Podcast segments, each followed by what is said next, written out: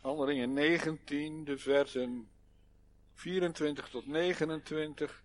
De tweede schriftlezing is uit 2 Korinthe 11. Eerst Handelingen 19 vanaf vers 24. Want iemand van wie de naam Demetrius was, een zilversmid, die zilveren tempeltjes van Diana maakte, verschafte aan zijn vakgenoten een niet gering inkomen. Hij riep hen bijeen met de arbeiders, die zulke dingen maakten, en zei de mannen, u weet dat wij aan deze bezigheid onze welvaart ontlenen. En u ziet en hoort dat deze Paulus een grote menigte niet alleen in Efeze, maar in bijna geheel Azië overtuigd en afkerig gemaakt heeft van de goden, door te zeggen dat goden die met handen gemaakt worden, geen goden zijn. We lopen niet alleen het gevaar dat ons beroep een slechte naam krijgt, maar ook dat de tempel van de grote godin Diana als niets beschouwd zal worden. En dat ook de grootheid dreigt te verdwijnen van haar aan wie heel Azië en de wereld eer bewijst. Toen ze dan dit hoorden, werden zij vervuld van woede en schreeuwden, de Diana van de Efeziërs. En heel de stad raakte in opschudding. Ze stormden eensgezind naar het theater, waarbij ze Gaius en Aristarchus meesleurden, Macedoniërs, reisgenoten van Paulus. Tot zover. Vervolgens lezen we uit 2 Korinthe 11. 2 Korinthe 11.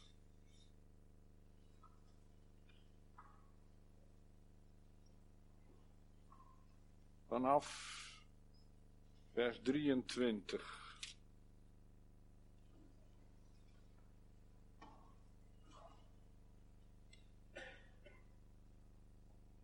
2 Korinthe 11 vanaf vers 23. Zijn zij dienaars van Christus? Ik spreek als een waanzinnige. Ik sta boven hen. In ingespannen arbeid veel vaker. In slagen bovenmaat in gevangenissen veel vaker. Vaak in doodsgevaar. Van de Joden heb ik vijfmaal de veertig min één zweepslagen ontvangen. Driemaal ben ik met roede gegezeld. Eenmaal ben ik gestenigd, driemaal heb ik schipbreuk geleden. Een heel etmaal heb ik in volle zee doorgebracht. Op reis was ik vaak in gevaar door rivieren, in gevaar door rovers, in gevaar van de kant van volksgenoten, in gevaar van de kant van heidenen, in gevaar in de stad, in gevaar in de woestijn, in gevaar op zee, in gevaar onder valse broeders. In inspanning en moeite, vaak in nachten zonder slaap, in honger en dorst, vaak in vasten, in koude en naaktheid. Afgezien van wat van buiten afkomt, overvalt mij dagelijks de zorg voor alle gemeenten. Als iemand zwak is, zou ik dan omwille van hem niet zwak zijn? Struikelt iemand, zou ik dan niet branden van verontwaardiging? Tot zover tekst voor de prediking vindt u in 2 Korinthe 1. 2 Korinthe 1, de versen 8 tot en met 11, 8 tot en met 10.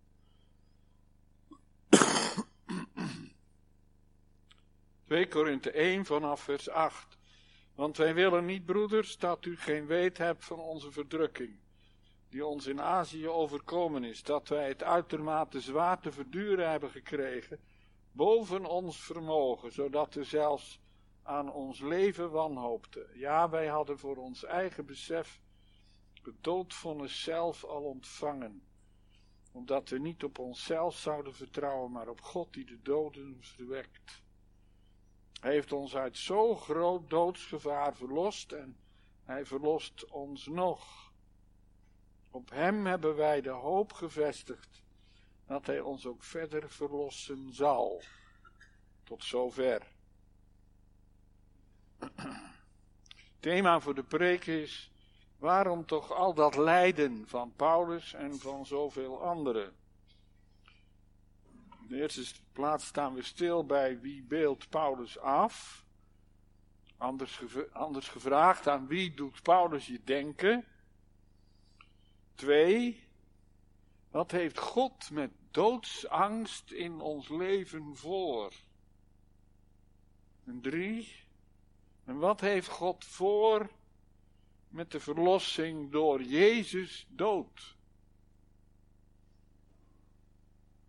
Tot zover. En zeggen, ja, de oorzaak daarvan ligt in het paradijs. Het gaat me nu vooral om wat God ermee bedoelt. Ik zal niet zeggen dat God de dood heeft gewerkt of dat die pijn en lijden allemaal ons uh, vanuit een zeker behagen toebedeelt. In je moet zeggen van, van heel veel lijden en leed, dat, ja, dat, daar staat God niet buiten. Maar hij heeft op een of andere manier daar toch ook wel weer de hand in. Ik denk aan de geschiedenis van Jozef, eh, die als slaaf naar Egypte werd verkocht.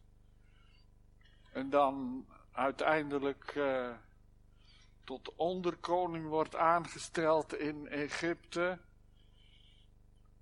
En dan komen zijn broers om koren te kopen. En dan volgt de ontknoping. En daar moet u dan in dit verband ook op letten dat hij tegen zijn broers zegt: Jullie wel, jullie hebben kwaad tegen mij gedacht.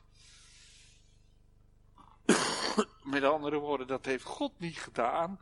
Jullie hebben kwaad tegen mij gedacht, maar God heeft dat ten goede gedacht.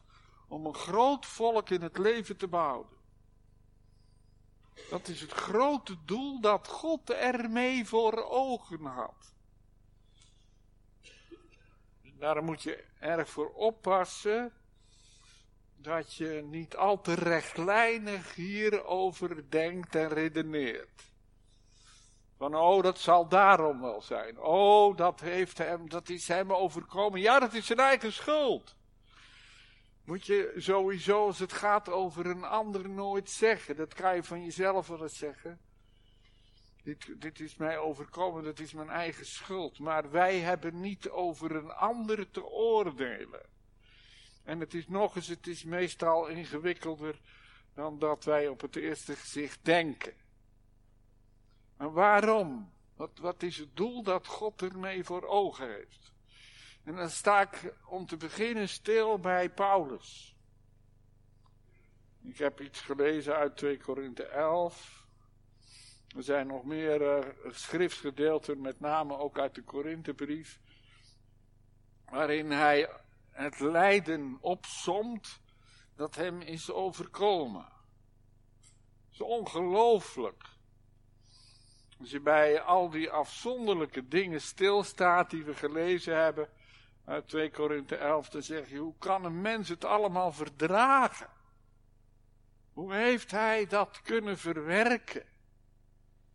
Ja, uit onze tekst van vanmorgen blijkt wel dat hij wel heeft ingezien met welk doel God dat alles hem deed overkomen. God had het uh, al tegen Ananias gezegd.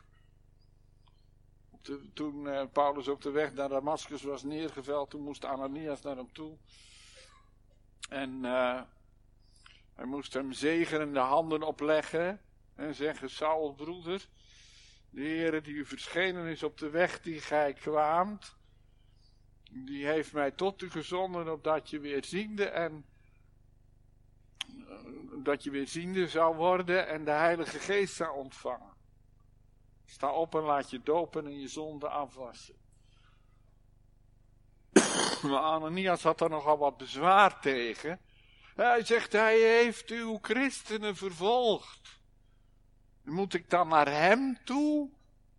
Om hem de handen op te leggen en te zegenen? En dan zegt de Heere tegen Ananias, in de eerste plaats, want zie hij bidt, maar dan ook dit. Ik zal hem tonen, ik zal hem laten zien hoeveel hij lijden moet om mijn naam. Daar gaat het me nu even over. Ik zal hem tonen hoeveel hij lijden moet om mijn naam. Om mijn naam. Dat heeft een dubbele betekenis. Om mijn naam. Dat is vanwege mijn naam. Als, als Paulus die naam van Jezus groot gaat maken. En uh, die naam gaat verkondigen. En, en de mensen gaat, gaat zeggen dat er uh, verlossing is door de naam van Jezus. En dat de mensen door de naam van Jezus, door het geloof in Hem, gered kunnen worden. Dan zijn er die dat evangelie van harte aanvaarden. Maar er zijn er ook die er dwars tegenin gaan en er niks om moeten hebben. En er zich tegenkeren. We hebben ook een gedeelte gelezen uit Handelingen 19. Waar uh, we lezen van dat oproer dat Demetrius heeft georganiseerd in Efeze. En uh, dat is heel duidelijk natuurlijk tegen Paulus gericht. En hij heeft niet geweten wat dat met zich mee zou brengen. Maar ja, Demetrius zegt, die Paulus die beweert dat het geen goden zijn die door mensenhanden zijn gemaakt. En uh, hij wil natuurlijk zeggen, uh, het is natuurlijk niet waar, want het zijn wel goden. En uh, doordat hij deze, hij denkt er niet over na. Hij denkt niet na over wat Paulus gezegd heeft. Maar doordat hij dat zo gezegd heeft, heeft dat tot gevolg gehad dat mensen toch kennelijk in, in uh, wel na zijn gaan denken over, ja, waarom kopen wij eigenlijk die zilveren tempeltjes? Het kost een heleboel geld en wat heb je eraan? Kan een zilveren tempeltje je beter maken? kan een zilveren tempel je heil verschaffen? Of je genezing schenken? Troost verschaffen? Nou, het gevolg daarvan is dat er minder van die dingen worden, worden gekocht. En daardoor uh, voelen ze natuurlijk de gevolgen in hun portemonnee. En hij uh, organiseert een uh, demonstratie tegen Paulus. en hij zegt, je weet toch dat de grote godin Diana in heel Azië wordt aangebeden en geprezen. En haar naam en haar glorie wordt in discrediet gebracht door deze Paulus. En dan, ja, de mensen komen samen, sommigen die weten helemaal niet waarom. Maar twee uur lang hebben ze gescandeerd, groot is de Diana van de Efeziërs. Groot is de Diana van de Efeziërs. Ja, dat, twee uur lang, dat is heel lang. En Paulus heeft dat allemaal gehoord. En u kunt zich voorstellen dat dat mokerslagen op zijn ziel zijn geweest. Want wat zijn de gevolgen daarvan? Zullen ze straks hem voor de rechter slepen? Zullen ze hem ter dood veroordelen?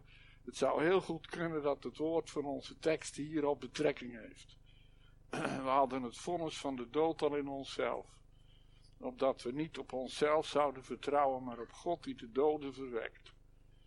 Maar het kan ook slaan op andere gebeurtenissen al die dingen die hij opzomt in 2 Korinthe 11 en andere hoofdstukken, die slaan ook allemaal op doodsgevaar waarin Paulus heeft verkeerd. Ja, waar lijkt Paulus op?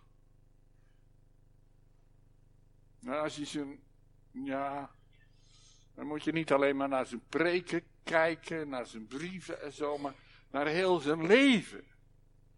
Waar lijkt hij op? Die man gadeslaat. Al die plaatsen waar hij is geweest, waar lijkt hij op? Moeten we dan niet zeggen op Jezus? Beeldt Paulus in zijn leven en in zijn lijden, want daar gaat het natuurlijk vooral over vanmorgen. Beeldt hij in zijn lijden niet het lijden van Jezus af? Hij zegt in de Filippense brief, Filippenzen 2, dat ik hem kenne, dat ik Jezus mag kennen en de kracht van zijn opstanding en de gemeenschap van zijn lijden. Zijn dood gelijkvormig wordende.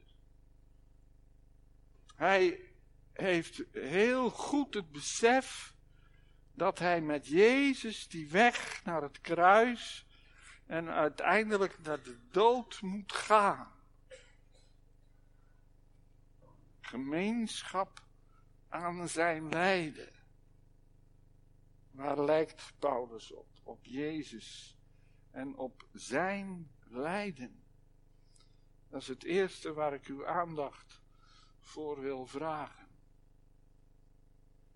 We hadden het vonnis van de dood er in onszelf. En dan kom ik bij het tweede. Wat heeft God met die doodsangst voor? We het vonnis van de dood al in onszelf. Ja, als er een die doodsangst gehad en gekend heeft, dan is het Jezus wel. Maar ook Paulus spreekt daar dus over. Wij hadden die doodsangst al in onszelf. Opdat we niet op onszelf zouden vertrouwen, maar op God die de doden verwekt. Wat heeft God daarmee voor?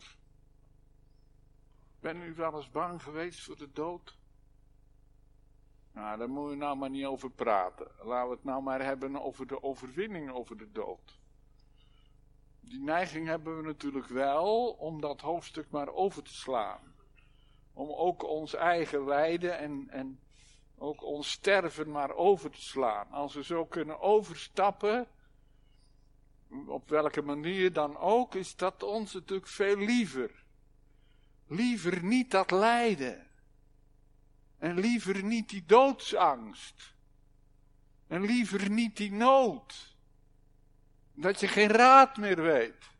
Dat je niet meer weet waar je het zoeken moet. Dat willen we toch niet? Zijn we daar nou naar, voor naar de kerk gekomen om daarvan te horen? Ja, toch wel. Want Paulus zegt, God had er een positief doel mee voor ogen. We hadden het vonnis van de dood al in onszelf, opdat wij niet op onszelf zouden vertrouwen.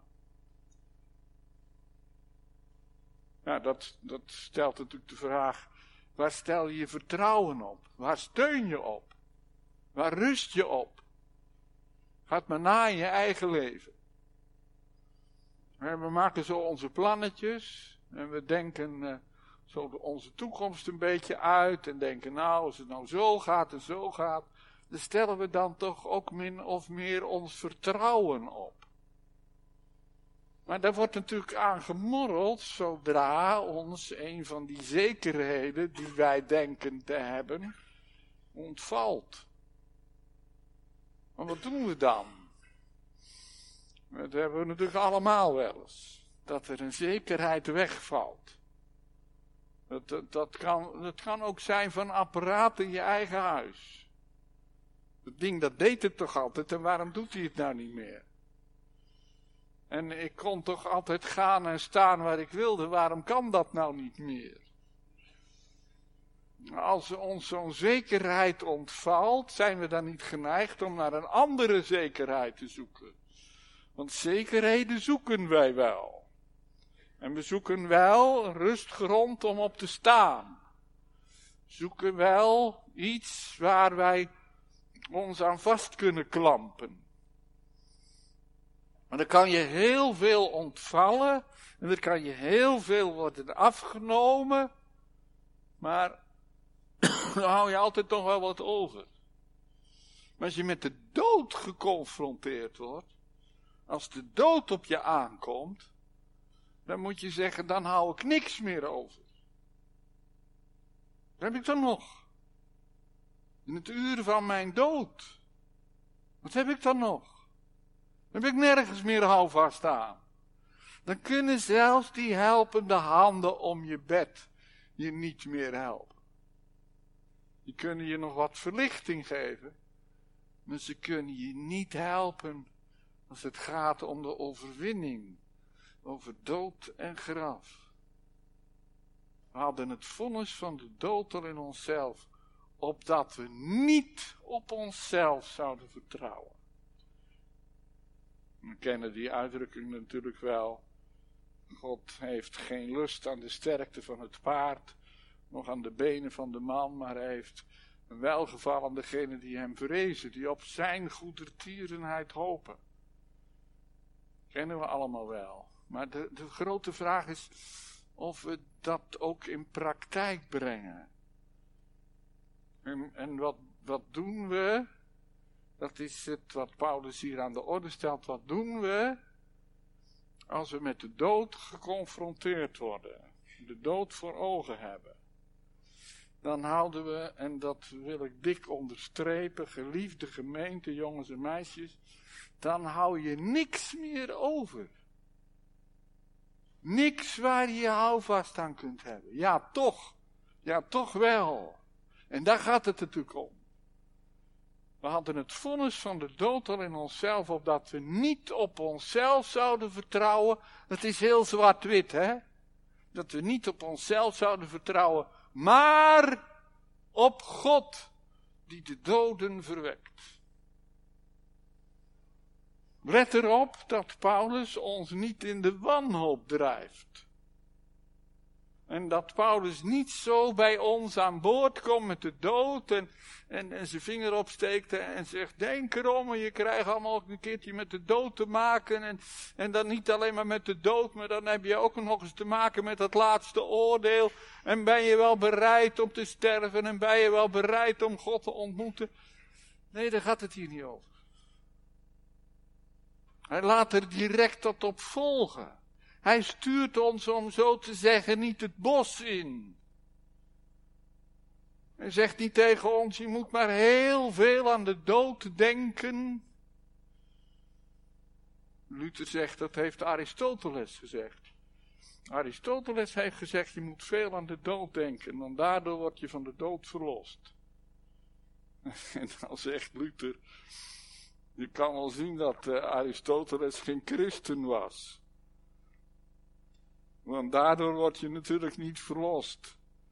Door veel aan de dood te denken. We zeggen, hoe word je van de dood verlost?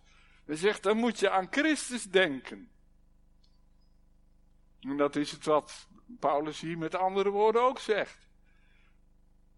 We hadden het vonnis van de dood al in onszelf, opdat wij en die conclusie moet je dan iedere keer weer trekken als je met die dood geconfronteerd wordt. Opdat wij niet op onszelf zouden vertrouwen, maar op God die de doden verwekt. Misschien zijn er onder u die zeggen, nou ik weet niet waar ik het over heb hoor. Gaat met, mij gaat het wel goed. Ja, we horen natuurlijk wel, Jan Vlot is overleden. En dan worden we als gemeente zich geheel daarbij bepaald dat ons leven vergankelijk is. Maar ik ben gezond en sterk en ik heb daar niet mee te maken. En we horen wel van mensen die ziek zijn. Maar dat treft mij niet en ik heb er wel mee te doen. Maar het gaat mij toch uiteindelijk niet aan. En we horen van mensen die overlijden, maar het is niet in onze eigen familiekring. En dan is het ver van ons wet. Ja, en toch kan dat heel gauw bij ons ook binnenkomen. Het kan ook zomaar ineens dat we daar mee worden geconfronteerd. In heel korte tijd. We hadden niet gedacht dat het die wending zou nemen. En dat wij binnenkort onze moeder en schoonmoeder moesten gaan begraven. Ja, dat kan zomaar gebeuren. En als dat gebeurt, jongelui, als je daarmee geconfronteerd wordt, ook als er jongeren in je omgeving zijn, die worden weggerukt uit dit leven, wat moet je dan doen? En dat is een best voor ons allemaal. Niet op jezelf vertrouwen, maar op God die de doden verwekt. En ja, hoe doe je dat dan? Vertrouwen op God die de doden verwekt. Het is in al je nood en ellende, in al je aanvechtingen en strijd tot de Heere vluchten en met de discipelen zeggen tot wie zullen wij anders heen gaan? U hebt de woorden van het eeuwige leven. Stel mijn vertrouwen op de Heere mijn God. Ik bouw op u. mijn schild en mijn verlosser. Ik kan nergens anders houvast in vinden dan in u alleen. Dat, dat, geldt, dat geldt niet alleen maar in, in doodsgevaar, maar dat, dat geldt voor het hele leven. Alleen als we met doodsgevaar geconfronteerd worden, dan worden we er heel nadrukkelijk bij bepaald. En ik hoop dat u dat nooit zult vergeten. Dat u dat zult bewaren. Zodra u met de dood geconfronteerd wordt, dan hoop ik dat u aan deze preek nog eens zult denken. En dat u tegen uzelf zult zeggen, en nu is het moment aangebroken waarop je van alles moet afzien en alleen op de Heere zien, die de doden verwekt, die mensen uit de dood doet opstaan en die de dood overwint. We hebben niet een God die tegen ons zegt, nou je hebt met de dood niet te maken, maar we hebben te doen, we hebben te maken met een God die de dood in Jezus Christus heeft overwonnen. En dat speelt in het leven van Paulus een geweldige rol. En dat, dat speelt meer dan eens een zo grote rol, dat hij, dan mag hij zeggen, dat hij over dood en graf heen kan zien. En dat hij er als het ware overheen getild wordt. En dat hij mag zeggen, na de dood is het leven mij bereid. Ik denk aan wat hij in 1 Korinthe 15 zegt. Als hij uh, het woord richt tot de mensen die uh, een, uh, twijfelen aan de opstanding uit de dood. Midden in dat prachtige hoofdstuk zegt hij, ik ga nou niet verder met al die ongeloofstheorieën. Maar nu Christus is opgewekt en is de eersteling geworden van degenen die ontslapen zijn. En aan het eind van het hoofdstuk, dan zegt hij, en dan zie je hoe hij ook met de dood in zekere zin is klaargekomen. Dan zegt door Jezus Christus, dan zegt hij, dood waar is uw prikkel, hel waar is uw overwinning. De prikkel van de dood is de zonde. Dat, dat wil zeggen, als je in de zonde leeft, dan is de dood een angel die je steekt. Dood, waar is uw prikkel? Hel, waar is uw overwinning? prikkel van de dood is de zonde, de kracht van de zonde is de wet. Maar Gode zij dank, die ons de overwinning geeft, door Jezus Christus onze Heer. Dat we niet op onszelf zouden vertrouwen, maar op God die de doden verwekt. Ja, hij heeft zelf ook mensen uit de dood mogen opwekken. Ja, gaat het daar dan om? Ja, straks wel. Als wij uh, sterven gaan, dat wij ook zelf mogen delen in de opstanding der doden. Maar ook nog in een andere zin. Hebben we te maken met een God die de doden verwekt. En dan bedoel ik dat in geestelijke zin. Kan zijn dat je zegt, ja, mijn hart is zo dood als een pier. Er is in mijn leven, mijn hart, geen geestelijk leven te bespeuren. Ik ben wel naar de kerk gekomen, maar eigenlijk zegt het me niet zoveel. En er is een tijd geweest dat ik uh, wel eens heel hartstochtelijk heb gebeden, maar dat is soms heel ver weg. Dat stelt mijn gebed eigenlijk voor. Dat stelt mijn kerkgang eigenlijk voor. En wat stelt mijn relatie met God eigenlijk voor? Dan heb je het gevoel dat je midden in de dood ligt. Als je dat nou, als dat nou op je aankomt. Joh, jij hoort bij die mensen waarvan Paulus zegt, uh, die zijn dood in zonden en in misdaden. Wat moet je dan doen? Je vertrouwen stellen op de Heer. Die God die de doden verwekt. Die Jezus die gezegd heeft. En het zal zijn dat een ieder die die stem van de Zoon van God zal horen, die zal leven. Het zal te dien dagen geschieden dat doden zullen horen de stem van de Zoon van God. En die ze gehoord hebben, die zullen leven. Dat mag je verlangen, je diepe verlangen zijn. O God, laat me uw stem horen en laat uw woord zo tot me doordringen dat ik als het ware uit de doden mag opstaan tot een nieuw leven. En dat ik dat oude leven, dat leven ver bij God vandaan achter me mag laten. En dat ik mag heen leven naar uw zalige toekomst. We hadden het vonnis van de dood al in onszelf. Ook als je moet zeggen, misschien zijn er onder u die zeggen, ik ben er soms bang voor om te sterven vanwege al die zonden die ik heb gedaan. Als God mij al mijn zonden in rekening brengt, dan ziet het er niet best voor mij uit. Dan kan het zijn dat je ja, daar doodsbenauwd onder wordt. Maar ook dan mag je letten op dit woord. We hadden het vonnis van de dood al in onszelf. Omdat we niet op onszelf zouden vertrouwen. Dan moet je niet blijven steken in van, oh, oh, als God toch de zonde in rekening brengt. Oh, als ik straks toch kom voor de rechterstoel van Christus. Het is goed dat je daar wel eens aan denkt. Dat je dat niet wegwuift. Maar je moet er niet in blijven steken. Nou, dan, moet je, dan mag je verder gaan. We hadden dat vonnis van de dood al in onszelf, opdat we niet op onszelf zouden vertrouwen, maar op God die de doden verwekt. En dan denk ik ook aan dat woord van Job, die zegt, al zou ge me doden, dan zal ik nog op u hopen.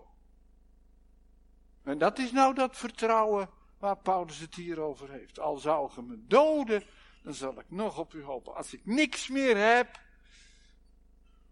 dan steun ik op u. Als me alles ontvalt, als staat de zee dan bol en hoog en zweept de storm ons voort, wij hebben vaders zoon aan boord. Een veilig strand voor het oog. Dat. Dan moet je niet letten op die golven. Dan moet je niet letten op die, uh, op die storm. Maar wij hebben vaders zoon aan boord. Hebben wij die dan aan boord? Hij wil vanmorgen nog bij ons aan boord komen. Hij wil, hij wil bij ons zijn. Zo waar als hij zijn woord tot ons richt. Zo waarachtig is het dat hij bij ons wil zijn mijn woorden zijn het waardoor ik tot u kom. Indien gij mij blijft en mijn woorden in u blijven, zegt Jezus, zo draag je veel vrucht. We hadden het vonnis van de dood al in onszelf, opdat we niet op onszelf zouden vertrouwen, maar op God die de doden verwekt. En dan het derde waar ik uw aandacht voor wil vragen. Wat heeft God met de verlossing door Jezus dood eigenlijk voor? Verlossing door Jezus dood. Dat staat in het tiende vers. Hij heeft ons uit zo'n groot doodsgevaar, dat woordje gevaar staat uh, schuin gedrukt. Hij heeft ons uit zo'n zo grote dood verlost en verlost ons nog. Op hem hebben we onze hoop gevestigd dat hij ons nog verder verlossen zal. Hij heeft ons uit zo'n grote dood verlost. Waar moet je dan aan denken? uit zo'n grote dood. Natuurlijk mag je zeggen dat heeft ook met al dat doodsgevaar te maken waar wij mee te maken krijgen. Maar als Paulus dat hier zo noemt, zo grote dood, dan, dan is dat de dood die Christus gestorven is.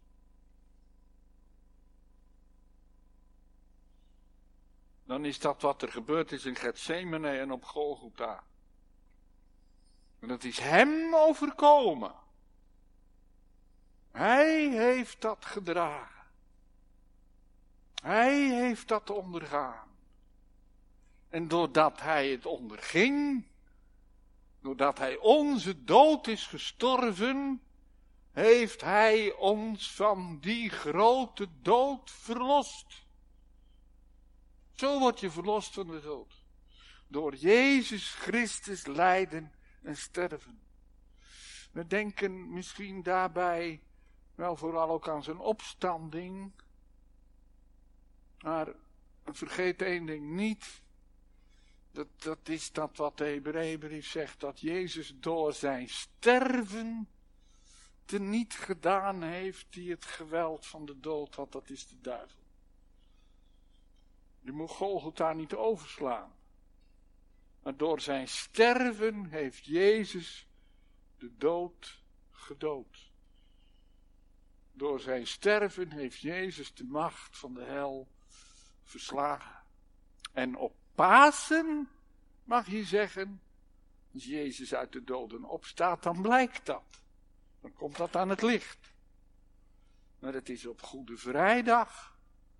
En het is in Gethsemane eigenlijk al, al wel aan het licht gekomen. Daar heeft hij die strijd gestreden, die ons uit zo grote dood verlost. Ja, en dan kom ik terug bij het thema, waarom al dat lijden?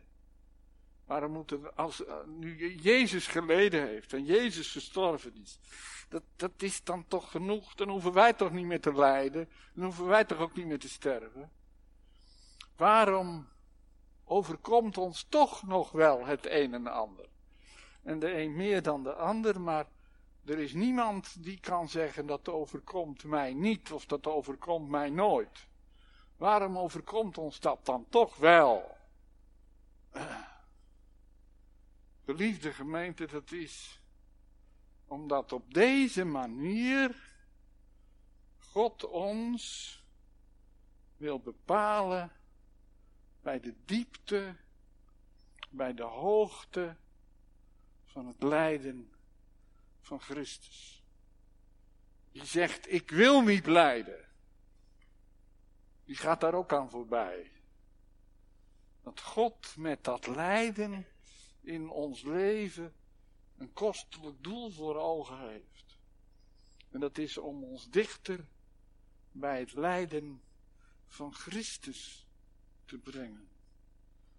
Ik heb dat in de achterliggende periode wel heel diep ervaren. Ik wilde dat ook niet. Ik wilde die weg niet gaan. Maar gaandeweg kwam ik er wel achter dat er geen andere weg was. Ik heb u dat met de avondmaalsbediening ook gezegd, dat me in herinnering werd gebracht. Dat mensen eh, die heel erg moesten lijden, me wel eens gezegd hadden.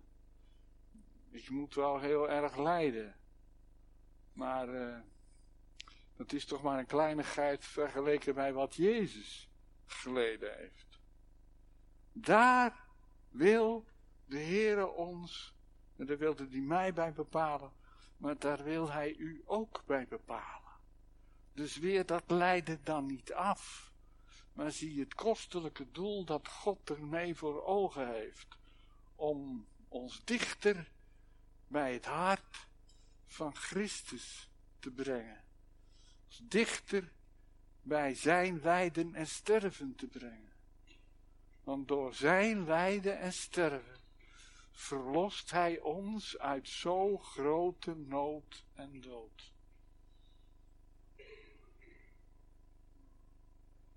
Blijf maar staan aan de voet van het kruis en zie op de wonden die hem zijn geslagen. En zie op het bloed dat uit zijn aders stroomt. Zie op eh, de smart die zijn deel is geweest. Zie op de doodsnood waarin hij heeft verkeerd. Daar de angst der hel, staat in Psalm 116, dat heeft Jezus ervaren. Dat de angst der hel mij alle troost deed missen. Zie op Jezus. Jezus heeft tegen Nicodemus gezegd. Zoals Mozes de slang in de woestijn verhoogde, als moet de zoon des mensen verhoogd worden. Opdat een ieder die in hem gelooft niet zal verderven, maar het eeuwige leven hebben. Wat moesten die Israëlieten doen die gebeten waren door de slangen? Ze moesten op de koperen slang zien. En daardoor werden ze genezen. Daardoor werden ze behouden. En, en zo is het nu met ons ook. Zie op de gekruisigde Christus en daardoor word je behouden. Daardoor word je gered. Daardoor word je verlost uit zo'n grote nood en dood. En dan gaat het voor je leven.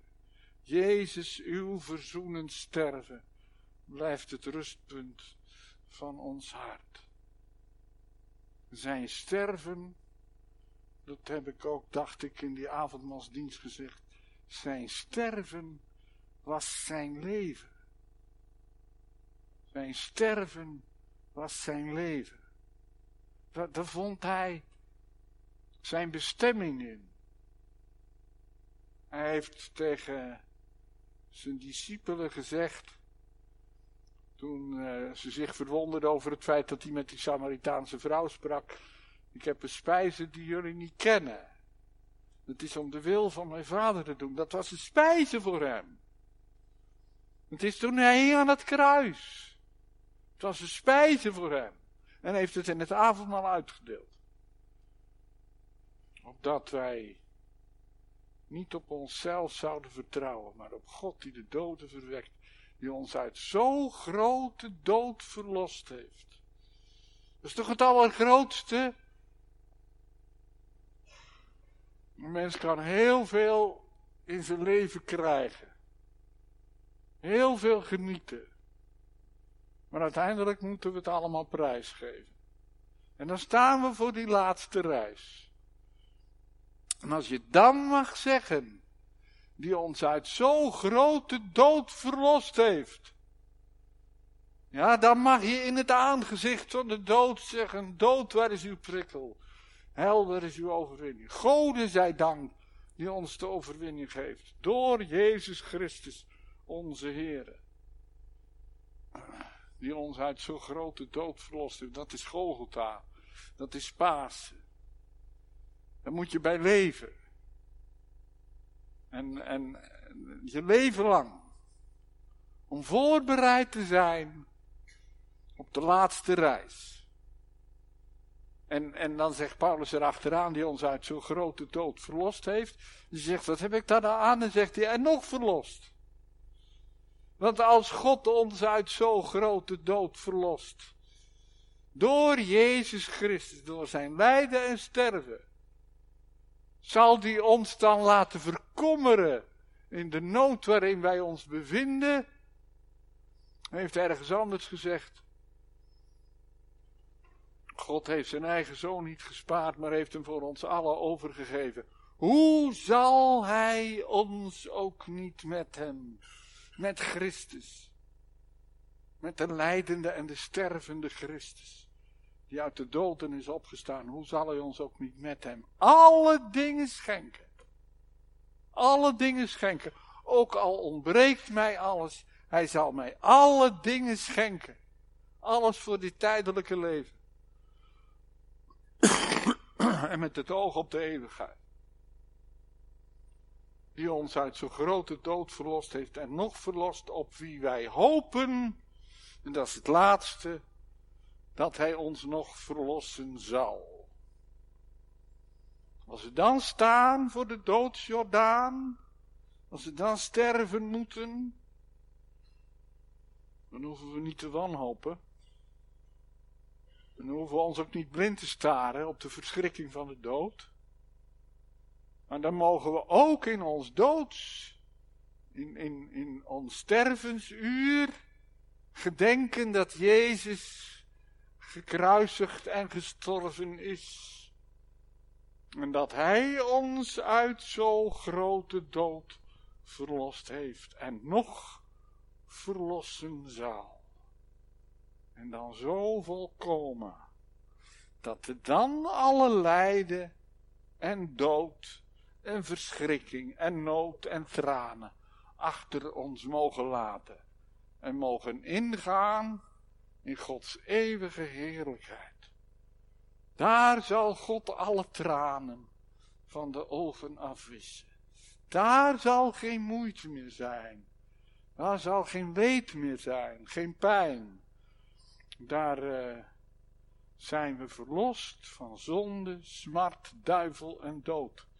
En daar mogen we ons eeuwig in God verblijden. Eeuwige blijdschap zal op onze hoofden zijn. Treuring en zuchting zullen wegvluchten. Wat zal dat zijn? Altijd bij de Heere zijn. Zijn heerlijkheid aanschouwen. Ja, Koolbrugge zegt, Jezus legt in het rijk der heerlijkheid de doornenkroon niet voor ons af. We zullen ook, als we zalig mogen worden, we mogen staan voor de troon van God en van het Lam. Dan mogen we zien de doornenkroon die hij gedragen heeft. En wat zegt dat dan? Wat zegt dan die doornenkroon? En wat zeggen die wonden in zijn handen? Dat, dat is ook na Pasen het geval geweest bij de discipelen. Hij toonde hun zijn handen en ze zeiden, geliefde gemeente van Rotterdam, daar wil hij ons nu mee vertroosten. Met zijn lijden en sterven, met zijn wonden.